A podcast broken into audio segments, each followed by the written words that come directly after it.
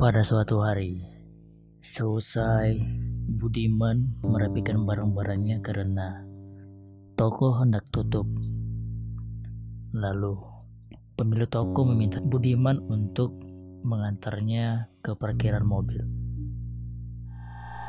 Budiman dan pemilik toko itu pun berjalan menuju parkiran mobil, di mana jarak parkiran mobil tersebut dengan pusat perbelanjaan itu cukup jauh. Setelah sampai di parkiran mobil, bos Budiman itu pun menyuruhnya untuk pulang. Tapi di situ ia kebingungan karena pada waktu itu semua akses jalan sudah ditutup. Dan apabila mau keluar, satu-satunya jalan adalah melalui gedung pusat perbelanjaan tersebut.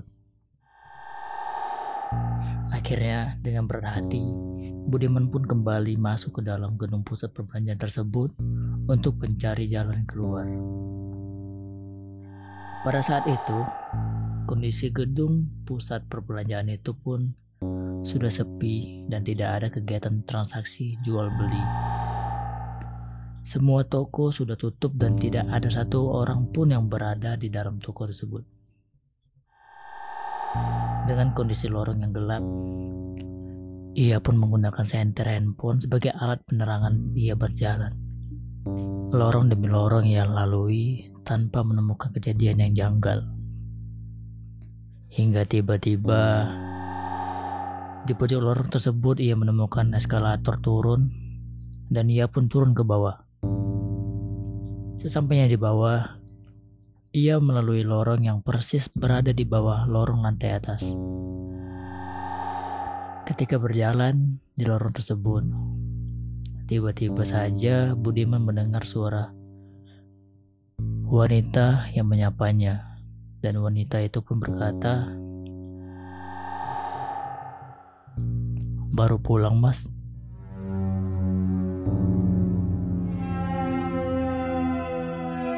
Sambil menjawab, ia pun menengokkan badannya ke belakang dan ternyata wanita tersebut membelakanginya. Karena rasa penasaran yang tinggi, ia pun menyorotkan senter handphonenya ke arah wanita tersebut.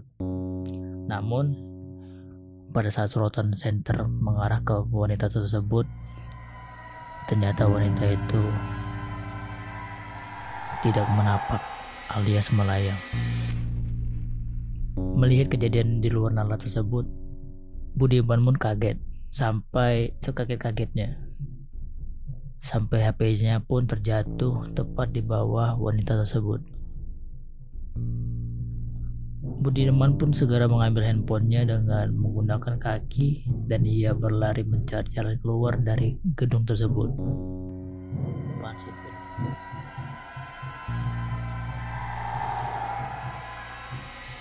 Ketika Budiman hendak berhenti, tiba-tiba saja ia mendengar suara wanita yang sama persis dengan suara yang menyapanya tadi.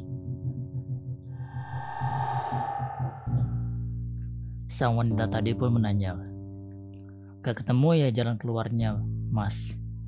Mau diantar? Ucap sosok wanita misterius yang terdengar oleh Budiman. Karena Budiman tidak berani untuk menengok ke arah belakang, tapi ia penasaran dengan suara tersebut. Akhirnya ia pun membuka kamera handphone untuk melihat sosok tersebut. Dan ternyata sosok tersebut berada lebih dekat dengannya dibandingkan dengan yang sebelumnya. Pada saat itu Budiman pun semakin takut dan berlari lebih kencang agar cepat menemukan jalan keluar. Sepanjang ia berlari melalui lorong-lorong gedung pusat perbelanjaan tersebut, Tiba-tiba saja senter handphone Budiman hidup mati seperti ada yang menyanyikan. Tak hanya itu, sepanjang lorong yang dilalui, ia juga mendengar suara ramai orang.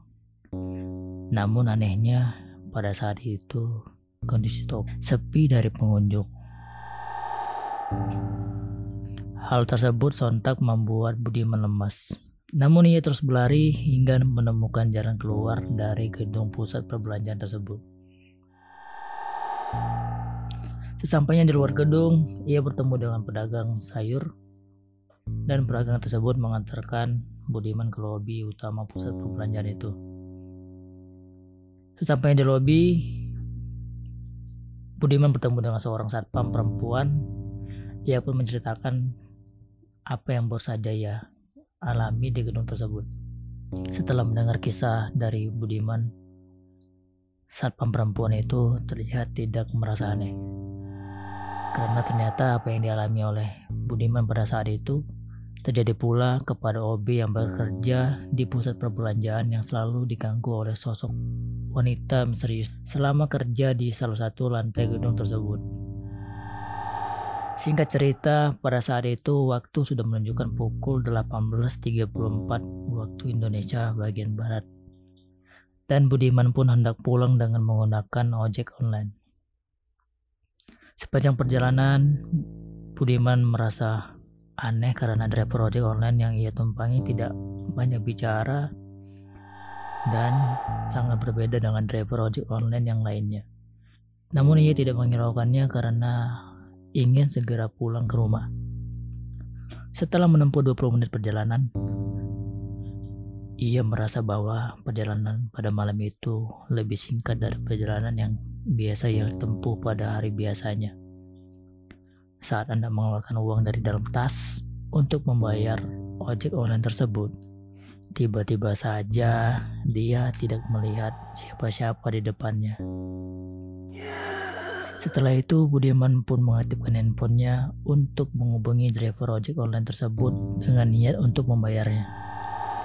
Namun lagi-lagi, pada saat membuka aplikasi ojek online tersebut, ternyata sang driver membatalkan pesanan dari Budiman dengan alasan mau mengantarkan istrinya. Kejadian penuh misterius pada malam itu pun membuat Budiman sangat kebingungan dan tidak bisa mengeluarkan sepatah kata pun. Namun setelah mendapatkan rujukan dari ibunya, Budiman pun menceritakan semua kejadian yang dialaminya pada malam itu. Pada keesokan harinya, saat Budiman pergi ke salah satu toilet pusat perbelanjaan tersebut, di situ ada satu toilet bernomor 4 yang tidak bisa dibuka dengan alasan pintunya rusak. Ketika hendak membuang air kecil di salah satu toilet tersebut, tiba-tiba saja Budiman melihat kaki di hadapannya yang bergelantung. Awalnya, ia tidak berani untuk menengokkan kepalanya ke atas. Namun, rasa penasaran yang begitu tinggi akhirnya ia pun memberanikan diri untuk melihat ke atas. Setelah mengarahkan pandangannya ke atas, alangkah terkejutnya ia karena itu adalah merupakan sosok yang menggelantung. Budiman pun segera merapikan pakaiannya dan cepat-cepat keluar. Namun sialnya, pada saat itu tiba-tiba saja kunci pintu toilet tersebut mendadak sulit dibuka. Ia pun menggedor-gedor pintu tersebut untuk meminta bantuan kepada orang lain di luar sana agar membukakan pintu toilet tersebut. Tidak lama kemudian akhirnya pintu tersebut bisa terbuka kembali setelah beberapa kejadian ganjil yang ia alami. Budiman pun tidak berani pulang di atas jam 6 sore lagi alias bilangan ganjil.